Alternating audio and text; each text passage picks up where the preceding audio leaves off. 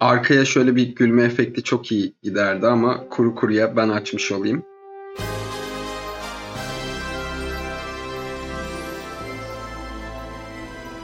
Artistik Patinaj'ın yeni bölümüne hoş geldiniz. Ekrem'le birlikte bugün yine kendimizce bazı konularda artistlik de olabilir, patinaj da olabilir bir şeyler yapmaya çalışacağız. Nasılsın Eko? Teşekkür ederim Eren'ciğim.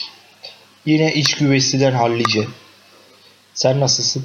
Ya ben de aslında iç güveysinden halledeceğim ama yayın öncesinde bana anlattıklarından sonra ben kendimi şanslı gibi sayıyorum. Yani en azından e, hayatın kara olan mizahıyla sen yüzleşiyorsun. Ben biraz daha stabil, e, biraz daha Nuri Bilge Ceylan tarzı bir mizahla yüzleşiyorum. E, sen bozkırların adamısın. Ben ben neyin adamıyım ya? Ya sen de daha çok İngiliz absürtlerinin, İngiliz absürt komedisinin adamı gibisin falan. Ricky Gervais'in böyle örnekleri vardır senin hayatına dair kesin. Ricky Gervais bu arada hakikaten bu, bu arada bugün mizah konuşacağız. Onu da söylemiş olalım şimdi. Yeni nesil mizahçıları konuşacağız. Mizahın geçtiği yolları konuşacağız. Ricky Gervais benim için evet önemli bir yerde duruyor. Çünkü Ricky Gervais sadece bir güldürü yapma üzerine bir şey kurmuyor. E, hayata dair de bir derdi var. Mesela Afterlife dizisi e, nereden baksan bir drama yani. Neredeyse drama.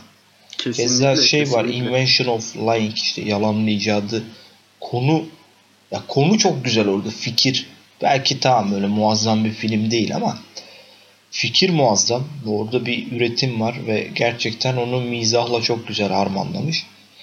Ricky Gervais'le başlamamız iyi oldu. Çünkü yeni nesil mizah biraz Ricky Gervais'ten farklı.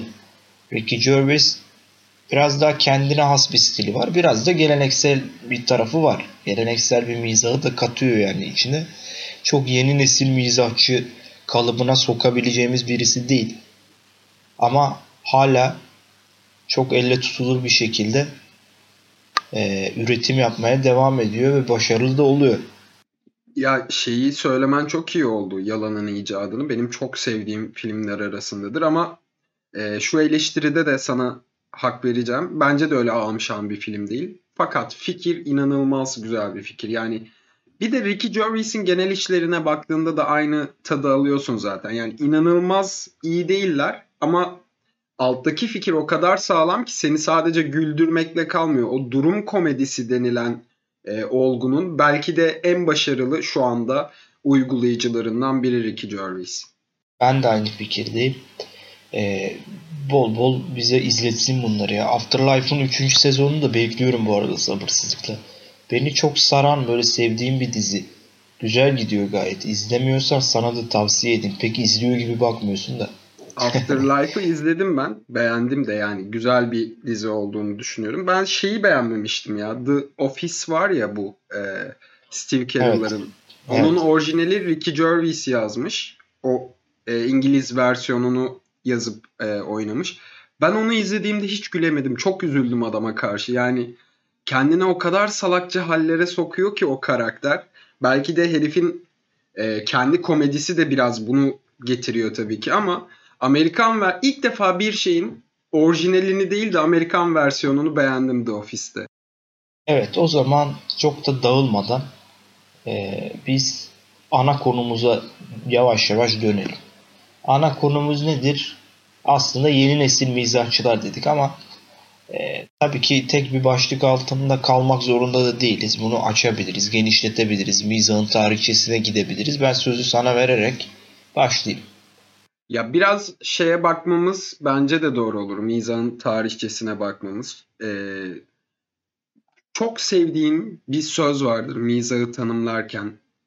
Ee, mizah drama artı zaman, trajedi artı zamandır diye çok güzel bir sözdür. Ben belki iyi satamamış olabilirim bazen böyle şeyler yaşanıyor.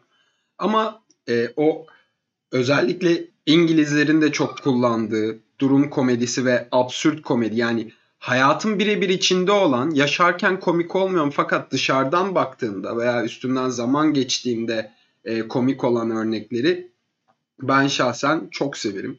Ee, mesela şeylere de bayılırım. Bilmiyorum izliyor musun Ekrem sen? Monty Python serisini de çok severim. İnanılmaz absürttür.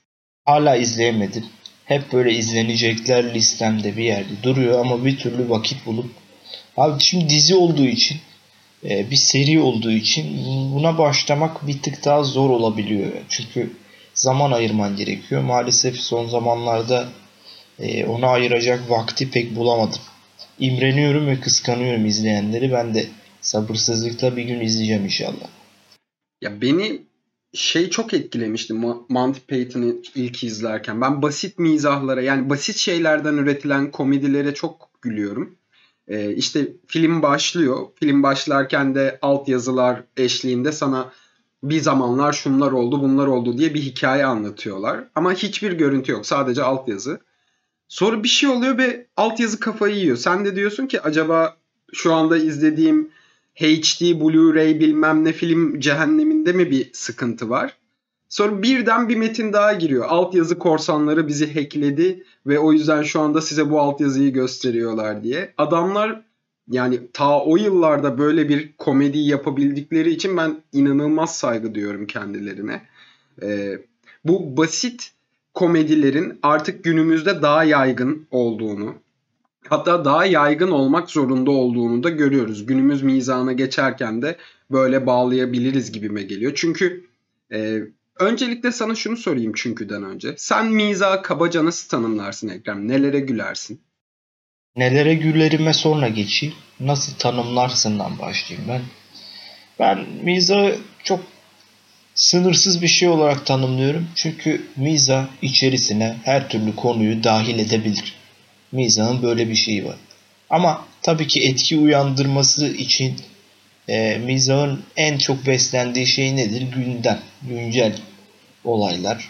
E, güncel olayların, dertlerin, dert de çok önemlidir bu arada bence. O mizahın e, gereken yere ulaşması için mutlaka içerisinde bir derdi olması gerektiğini düşünenlerden biriyim.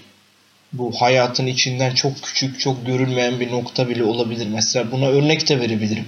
Yıllar önce Twitter'da görmüştüm. Bence mizah mesela bu. Ee, şimdi bu cipslerin içerisinden kartlar çıkıyor ya küçük. İşte yok 25 kuruş kazandınız, yok işte 1 lira kazandınız vesaire gibi. Mesela Twitter'da biri hiç hatırlayamadığım bir hesap Demiş ki ya cipslerin içinden böyle şeyler çıkacağına ıslak mendil çıksa nasıl olur demiş. Bak çok küçük bir nokta hayatın içerisinde ama güzel bir şey yakalamış. Bence bu bir mizahtır. Bana tebessüm ettirdi ve hak ver dedi kendisine.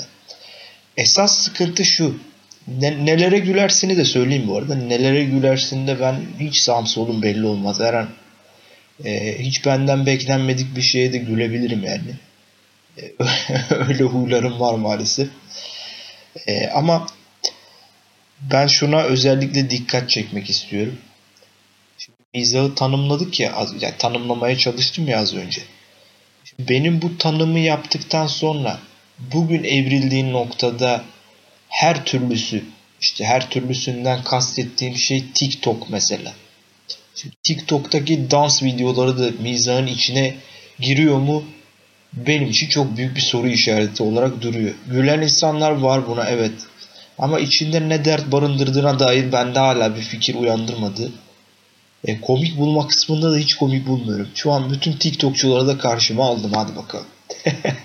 TikTok gerçekten ilginç bir mekanizma bu arada. Yani kendine has dünyası olan ve kendi jargonu olan bir dünya. Ee, ben senin kadar biraz katı değilim bu konuda. Bazı şeylere gülüyorum. Mesela bir tane herif var kalın kaşlı bıyıklı. O böyle müzikler eşliğinde insanlara bakıyor sonra bir git yapıyor. Ona gülüyorum. Yani her versiyonuna güldüm. Hiç bilmiyorum. Ağrılı mı, siirtli mi öyle bir adam. Hiçbir fikrim yok şu an. Onun dışında e, şu anda TikTok meta evet. Mesela TikTok'tan önce de Vine diye bir uygulama vardı. Yine bir aplikasyon mizahı gelişmişti. Orada da bir süre kotası vardı yanlış hatırlamıyorsam. Ve başarılı örnekler bunu aslında arabesk bölümünde de konuşmuştuk. Yani bir meta oluştuktan sonra orada özgün ve başarılı olan kişiler kendini o meta bittikten sonra da e, hayatın akışında yer bulabiliyorlar. Cem Gelinoğulları gibi. E, o da Vine'da çıkıp oradan hayatın içine adapte olup hatta ikinci, üçüncü filmini yapabildi ki ben filmlerini beğenmiyorum mesela. O da e, benim kendisine bir eleştirim olsun. Ben askerdeyken ben e, bir filmi var Cem Gelinoğlu'nun. Şu an adını unuttum. Aykut Enişte değil. Şansımı seveyim. Hatırladım adı. Şansımı seveyim askerdeyken asker psikolojisiyle izlediğim için ben çok komik bulmuştum. Hala severek izliyorum. Bunu da eklemiş olayım. yani ben izlemedim. Belki izlesem beğenirim. Ondan da emin değilim bu arada. Başka nasıl örnek verebiliriz? YouTube da bir meta. YouTube'u da bir meta olarak görebiliriz. Zaten günümüz mizahını konuşurken ana noktalarımızdan biri YouTube, diğeri Twitter olacaktı. Öyle planlamıştık. Ben Twitter'daki birçok kişiye de çok gülüyorum. Yani e, iflah olmaz bir Twitter komedi e, arayıcısıyım. Sürekli Twitter'dan birilerine sataşan ve komik bir şekilde yapabilenlere gülüyorum yani yalan yok. E, ama bazen tabii komedinin çok ince bir çizgi olduğunu da bilmek lazım. E, komedi yapacağım derken kendinizi de çok kötü durumlara, kendinizi daha çok komik durumlara sokabiliyorsunuz. Onlara da dikkat etmek lazım. E, var mı senin aklına gelebilen örnekler? Mesela YouTube'dan ben kimi sayabilirim? İlk YouTube'cular e, Base Motel Pro'ya bayılıyorum abi. Müthiş işler yapıyorlar ve hani reklamsa da reklamın da hakkını veriyorlar. Harika müzikler yapıyorlar. Arada kendimi kötü hissettiğimde Volkan Öge geliyor şarkısını açar izlerim mesela. Yani inanılmaz bir mizah bence. Ben de çok beğeniyorum. Hatta benim neredeyse böyle YouTube'la tanışma yani tanışma durumum neredeyse Base Motel Pro ile oldu. Onu ben de çok başarılı bulduğum bir mizah stili mesela. Bana da çok hitap ediyor. Ee, bana hitap etmeyen kısmı aslında demin söyledim ya. Bana o komik dans videoları falan bana ne bileyim hitap etmiyor. Bana daha çok e, daha absürt olan, daha yaratıcı olan onlar hitap ediyor. Ben şöyle bir konuya takıldım. Bu takıldığım konuyu da şu an seninle paylaşmak isterim. Şimdi e, mizahın tarihçesi dedik ya. Baktığımız zaman hani e, Yunan eski Yunanlara dayandığı söylenir. Böyle yazılır falan. Ben bunu kesinlikle reddediyorum. Kim bu tarihçeyi önümüze attıysa bence otursun baştan düşünsün. Ona da hodri meydan diyorum burada. Mizahın bir tarihçesi olamaz abi. Başlangıç noktası şudur diye. Ezeli bir şeydir. Bence paleolitik çağda bile mizah vardır. Belki dinozorların kendi arasında bile bir mizahı vardır yani. Bu sadece sözle, yazıyla, resimle aktarılabilecek bir şey değil ki mimikle de, beden diliyle de bir şekilde mizah olabilir. Yani insanlar ateşi yeni buldular diye mizah yapamayacaklar anlamaya gelmez hiçbir şekilde bu. Bence o yüzden e, insanlık tarihi var olduğundan beri mutlaka mizah da hayatın içerisindedir. Ben o yüzden tarihçe kısmının böyle üstünü çizmiş, e, sayfalarını buruşturmuş ve bir kenara atmış oluyorum ve sana veriyorum buradan pası. Ya aslında bir, bir noktada haklı bir eleştiri. Yani bu tarihçiyi de savunuyormuşum gibi olmasın senin karşında yer almak istemem Eko. Ama orada şöyle bir şeyden bahsediyor olabilirler. Tabii ki mizah gülmek icat edildiğinden beri vardır e, hayatın içinde ve sadece insanlar arasında da yoktur. Gülüşünü en net hangi hayvanların gözlemleyebiliyoruz? İşte şempanzelerin, orangutanların ve kendi aralarında şakalaştıklarını, gülebildiklerini gözlemleyebiliyoruz. E demek ki onların da bir e, humoru, kendi mizahları var. Fakat bundan 100 yıl sonra, 1000 yıl sonra o canlılar evrimleşecek veya evrimleşmeyecek. Ama e, kendi üretimlerini yapmaya başladıkları senaryoyu kabul edersek şunu söyleyemeyecekler. Ya biz o zamanlarda da çok gülüyorduk diyemeyecekler. Kayıt elde kayıt olması açısından o antik Yunan e, önerisi de belki de elde olan kayıtlarla alakalıdır. Yoksa imkansız abi sadece antik Yunan'dan başlaması mizahın. Yani insanlık çok eski senin de dediğin gibi. Hani canlı hayatını geçtim. E, sadece bizim bildiğimiz İsa'nın doğumundan sonra 2000 yıl geçmiş yani antik Yunan dediğin ondan da hadi bir 100-200 yıl eksi, eksi olsun. E geriye kalan 10 bin yılda ne oldu? Kimse gülmedi mi? Bir kere şurada seninle ayrışıyoruz bak. Söylediklerine büyük oranda katılıyorum ama mizah güldürmek zorunda mıdır? Böyle bir soru çıkıyor şimdi ortaya. Orada bir güldürü e, katma zorunluluğu var mı mesela? Bence yok. Bence, Bence bir tebessüm, demin verdiğim tekrar etmek istiyorum. Ya. Demin verdiğim örnek. Demin verdiğim örnek hani cipslerin içinden ıslak mendil çıksın. Çok komik bir şey değil mi? Ama, Ama tebessüm bir mizah. ettiriyor. Evet. Tebessüm ettirim. Evet tamam burada şey Şimdi tebessüm ettiriyor deyince biraz daha soğuk bölgeden sıcak bölgeye doğru yaklaştırdım beni. Orta noktaya geliyoruz gibi. Ben şimdi şöyle bir şey de katmak istiyorum bu sohbetin üzerine. Ee, hayat, zaman sürekli dinamik, sürekli değişken. Yani bu yüzden mizahın da bu dinamiklikten payını almamış olması mümkün değil. Elbette ki e, bahsettiğimiz işte paleolitik çağda başka bir mizah stili vardır. E, keza e, milattan sonrasının ilk yıllarında başka bir mizah stili vardır. Basın yayın organları hayatın içerisine girmeye başladığında daha yaygınlaşmış, daha yazılı, basılı hale gelmiş başka bir mizah stili ortaya çıkmıştır. Muhtemelen karikatürler de bu dönemlerde ortaya çıkmıştır ve bu alıp başını gitmiştir. İşte radyo dönemleri, sonra televizyon dönemleri. Sürekli bir gelişim var. Hayattaki hemen hemen her konuda olduğu gibi mizahta da sürekli bir yenilik, sürekli bir gelişim ve bununla beraber bir de e, toplumun içerisindeki değişkenler ve bunların içerik olarak bu basın yayın organlarına ilave olması. Radyo tiyatroları gibi mesela. E, keza bildiğimiz normal tiyatrolardaki konu akışları gibi 1980'deki bir e, mizahi oyunla bugünün içeriğinin çok bir olması beklenemez elbette ki. Bak 40 yıl öncesiyle bile.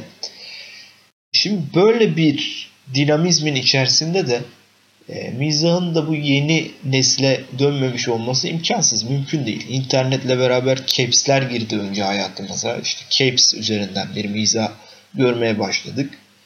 E, bu devam ettiği yerini demin senin de söylediğin gibi Vine'lara bıraktı. Bir ara Scorp vardı. E, hala var mı bilmiyorum gerçekten.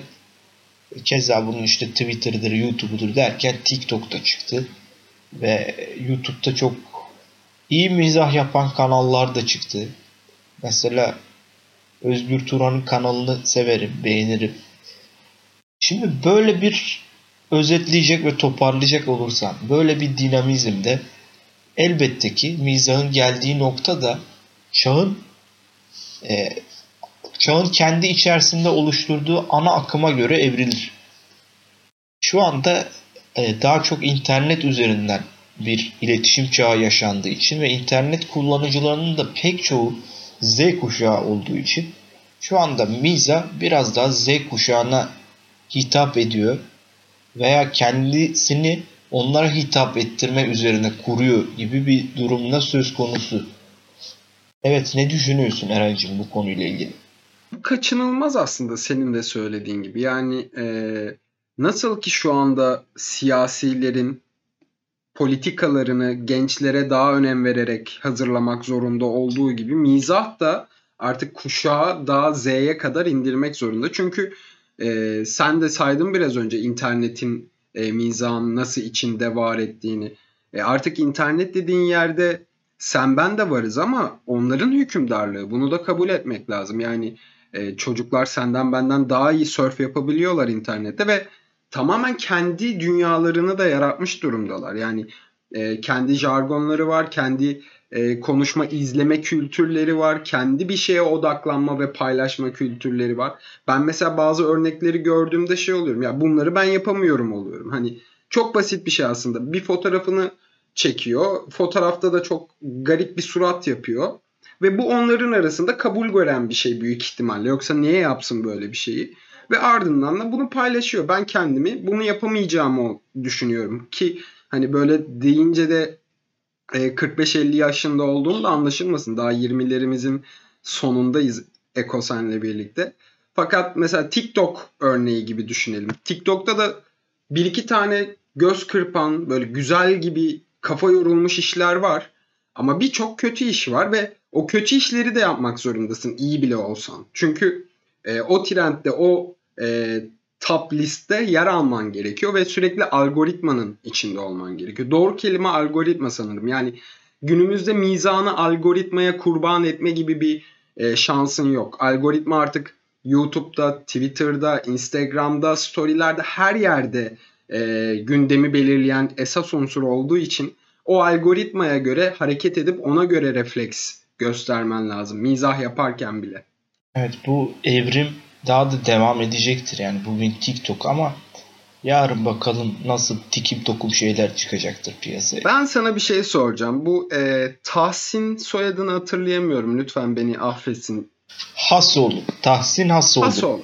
Bak güzel bir mizah. Özellikle bu takımlar için yaptığı. Güzel bir mizah. Gerçekten çok da kötü değil. Evet ben de seviyorum. Fakat geçenlerde YouTube'un derinliklerinde benim e, en gizli zevklerimden biri de YouTube'un derinlikleridir. İnanılmaz çöp şeyleri izliyorum ve kendimi şanslı hissediyorum bunları yaparken de.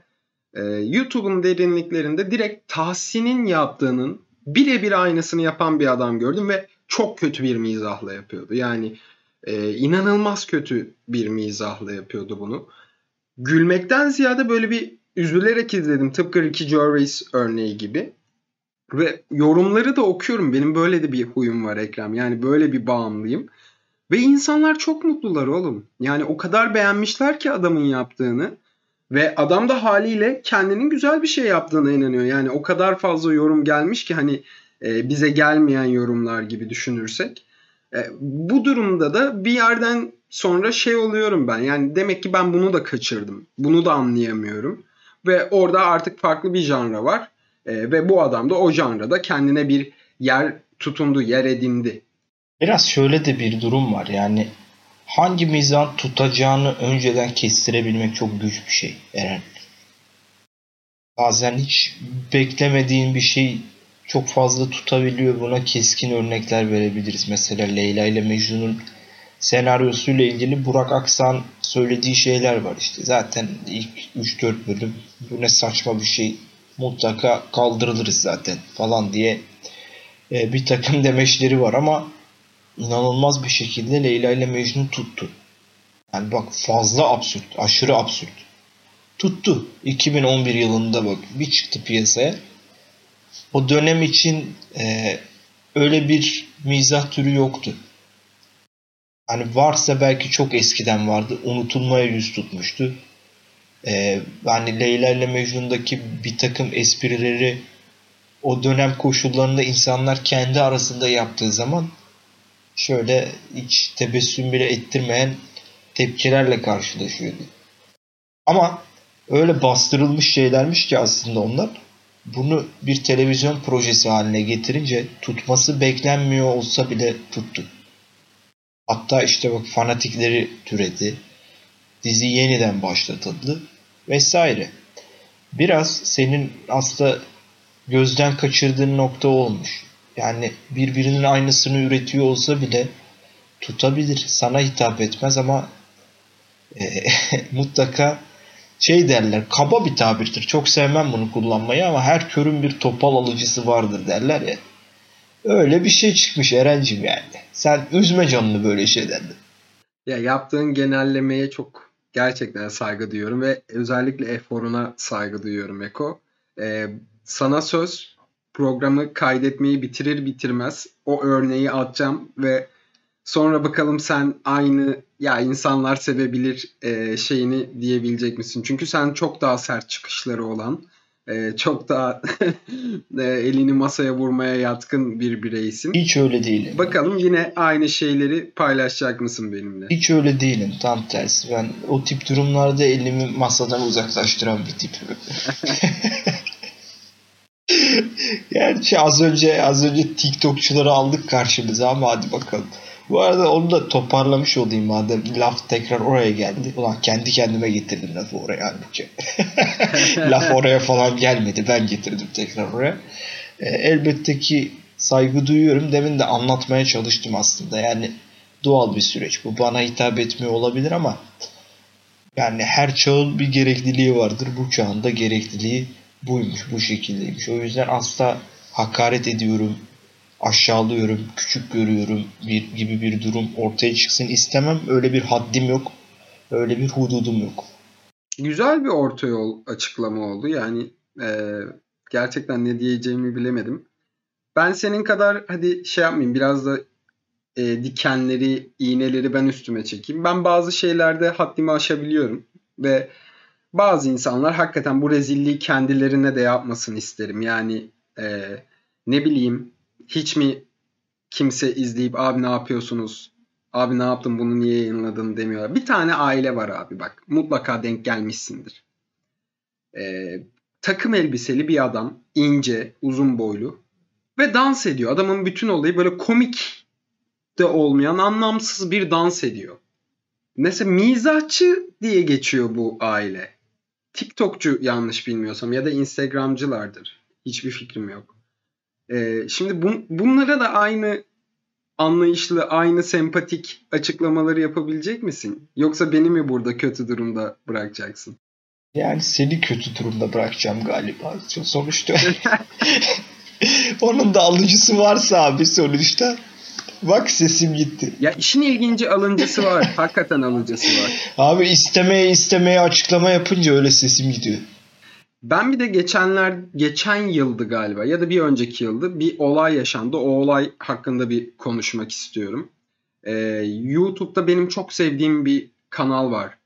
Açık Büfe diye. Hatta e, içinde tanıdık simalar, tanıdık komedyenlerin de bulunduğu bir kanal.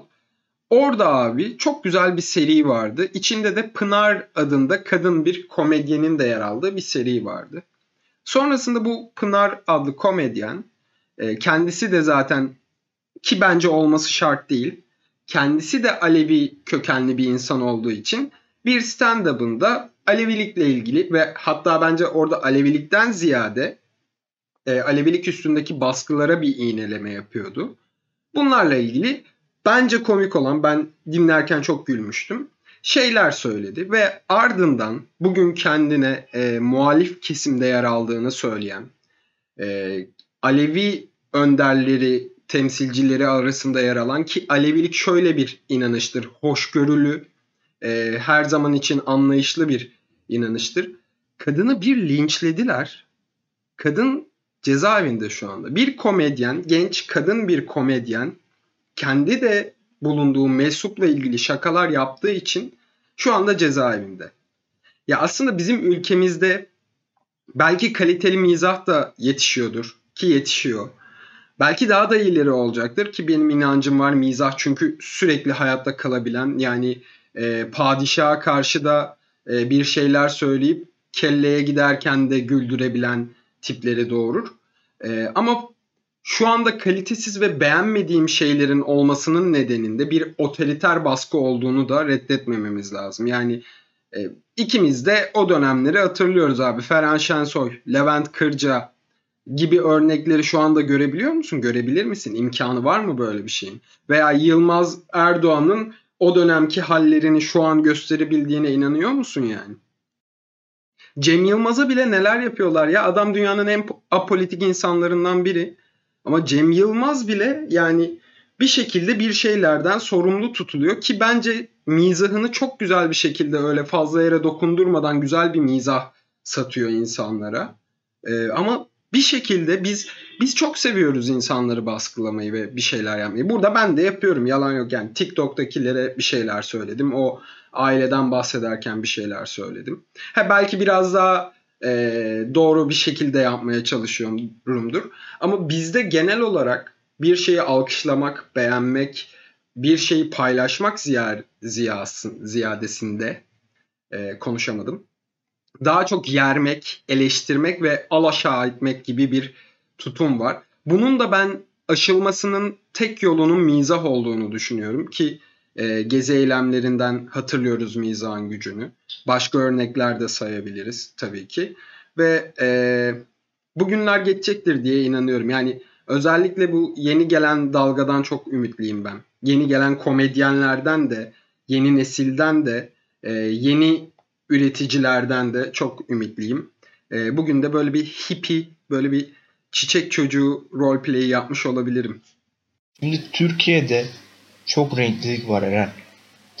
Bu çok renklilik elbette ki e, beraberinde çok fazla avantaj getirir. Nedir bunlardan bir tanesi? Miza üretimi mesela. Çok renklilik mutlaka mizahını da renkli getirir beraberinde çünkü çok fazla hikayesi vardır. Biraz da mizah biraz da hikayedir. Bir hikaye olması gerekir ki o hikaye üzerinden e, bir takım şeylere dokundurma yapılsın, gönderme yapılsın. E, bunun gibi birçok şey sayabiliriz, sıralayabiliriz.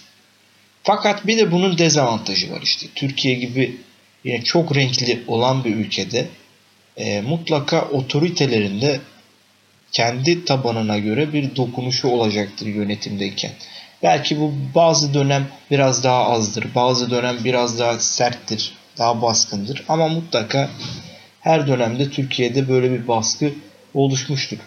Bu da maalesef oturup sorgulanması gereken kısım sadece miza üzerinden değil çok daha geniş bir şekilde tabii ki sorgulanması gerekiyor da yani kendi kültürlerinle barışık olmamanın getirdiği şeylerden biri. Böyle insanlar da var toplumda. Yani bir kültüre çok yakın olan, siyasi tutumunu bağlı olduğu kültüre göre geliştiren ve diğer kültürlere kendini kapatmış. O yüzden onların yapmış olduğu mizahı bile hiçbir şekilde gülmeyen, e, ilgisini bile çekmeyen hatta linçleyen kesimler de var maalesef. Çok renkliliğin böyle dezavantajları da oluyor. Ama temel noktada sana katılıyorum. Ben de mizahın gücüne çok inanıyorum. Birleştiriciliğine çok inanıyorum. E, her zaman toplumda birlik oluşturabilmek için iyi bir çıkış yolu, iyi bir çıkış noktası olduğuna %100 inanıyorum. E, ufak ufak sonlandıracağız. Çünkü süremiz biraz bu sefer uzun sürdü. Keyifli de bir sohbet oldu ama tabii ki. Şöyle kapatalım istiyorum senden. Ya şu işte mizah budur dediğin bir film, bir şarkı, bir de kitap önerisi alalım. Üç tane böyle öneri sunmuş olur. Güzel. Ee, film olarak ne önerebileceğimi biraz daha düşünüp sona bırakmak istiyorum. Şarkı olarak şeyi önerebilirim ya. Bence e, Grup Vitamin'in birçok şarkısını buraya dahil edebiliriz. Yani İsmail de olur. Ne bileyim. Hatta e, Gökhan'dı galiba solistleri öldükten sonra ona böyle bir anma nihayetinde bir şarkı yapmışlardı ki bence o da çok tatlıdır. Onu önerebilirim. Ben de severim evet. Bu sabah yine her sabahki gibi yalnızım İstanbul'da gibi başlıyordu Gökhan Semiz'e. Gökhan Semiz'i de saygıyla analım. Ben de grup vitamini çok severim bu arada. Cereyan kesik. Hele bir de sen yoksun. Çok yazık. Gerçekten o da çok hoş bir mizahtı. Bak hani e, duygusal bir şey olsa da. Kitap olarak da Allah Senden Razı Olsun Bay Rosewater diye bir kitap var. Kurt Vonnegut muydu? Soyadını telaffuz edemedim şu anda ama e, o kitabı önereceğim. Hadi film olarak da kolaya kaçmış olayım. Direkt senle yayın öncesinde de konuştuk. Vizontel abi. İnanılmaz bir mizahtır. inanılmaz bir güldürüdür. E, Yılmaz Erdoğan'ın Yılmaz Erdoğan gibi davrandığı yıllardan kalma şahane bir iştir. Çok güzel öneriler. Senin de bir iki önerin vardır umarım. Olmaz olur mu? Var tabii ki. Kitaptan başlayayım. Ben Can Bilge'yi, sevgili Victory dergi yazarı ve ambargo programının yorumcusu Can Bilge'yi sevindirecek bir kitap önerisinde bulunayım. O da Oğuz Atay'ın kitaptır. Tutunamayanların okuması zordur. Gerçekten zordur. Sabır ister. Aslında benim böyle uzun uzun cümleler, uzun uzun paragraflar çok da sevdiğim bir stil değildir ama işte içerikteki miza benim ilgimi çekmiştir, hoşuma gider. Keza Tehlikeli Oyunlar kitabı da aynı şekilde. Murat Menteş'in Derde Deva Randevu diye bir iki kitabı vardır. Bir ve iki. Orada mesela fikir çok güzeldir. Yani maktul yazarlarla e, röportaj yapıyormuş gibi. O yazarların çeşitli ne aforizma, heh, çeşitli aforizmalarını sanki kendi sorduğu sorulara cevap olarak verilmiş gibi eklemiş olduğu iki kitaptır. Derde Deva Randevu serisi. E, fikir bence çok güzel. iyi bir mizah. O yüzden şu an aklıma o geldiği için Onu da söyleyebilirim. Bu arada bu önerileri veriyorum ama mesela bir saat sonra sorduğunda aklıma bambaşka bir şey gelir. Onu örnek verebilirim. Onu öneri olarak sunabilirim. Böyle de bir durum var. Şarkı olarak benim çok keskin bak buradaki cevabım değişmez şarkı olarak. Mustafa Topaloğlu'nun geri zekalı sevgilim şarkısı bence güzel budur. Bak sözlere bak. Sende biraz akıl olsa beni severdin. Düşünce ve mantık olsa sen de severdin. Sevilecek insan bendim. Neden sevmedin? Geri zekalı sevgilim benim. Budur abi işte. Çıkarımı çok net. Çok net çok. Bir şey diyeceğim. Benim de aklıma bir iki örnek daha geldi. Onları da paylaşabilir lütfen. miyim lütfen Sayın Ekrem Ceylan? Lütfen. Ya şarkı olarak bir e, sol eser vardır. Bilmiyorum biliyor musun? E, öcü gibi korkuyorlar Mao Zedong yoldaşımdan diye. İnanılmaz komik bence. Eğer e, Maoist varsa hala hayatta dünyada kaldıysa beni vuracaklarsa da sorun değil. Çok komik. Hatta onun YouTube'daki klibinde de Troçkistlere ana avrat sövüyorlar girişte böyle slide'dan bozma bir e, yazı akıyor. Ben ona çok gülüyorum. Uzaylılar hoş geldiniz yine. E, çok güzel bir mizah ve hoşgörü örneğidir. Bir de son olarak abi Feyyaz Yiğit'i anmak istiyorum. Ya e, yaptığı hemen hemen her işe çok gülüyorum. E, çok iyi bir yazar. Kitaplarını da mizah örneğine koyabiliriz. Şarkılarını da koyabiliriz.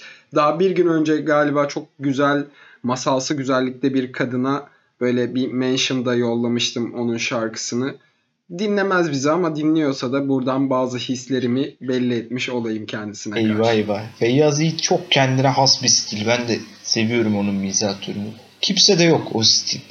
Resmen onunla ortaya çıkmış, onunla devam eden bir stil.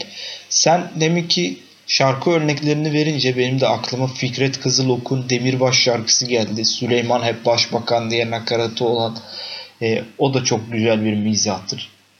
Bence mutlaka dinle, dinlesin yani. Bu programı dinleyen herkes Fikret Kızılok'un Demirbaş şarkısını da mutlaka dinlesin.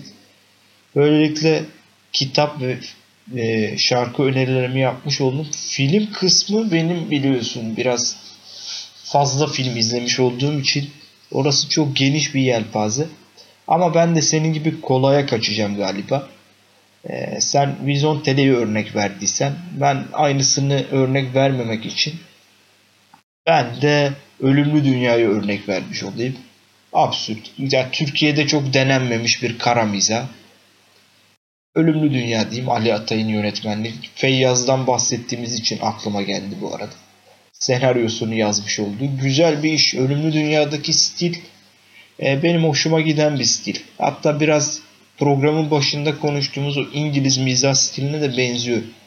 E, anımsatan tarafları var. Ben de onu önermiş olayım. Dediğim gibi bir saat sonra konuşsak bambaşka şeyler önerebilirim ama şimdi programı kapatmak durumundayız. E, açan sen oldun, sofrayı kuran kaldırsın gibi bir duruma e, gönderme yapmak istiyorum ve son sözü de sana bırakıyorum.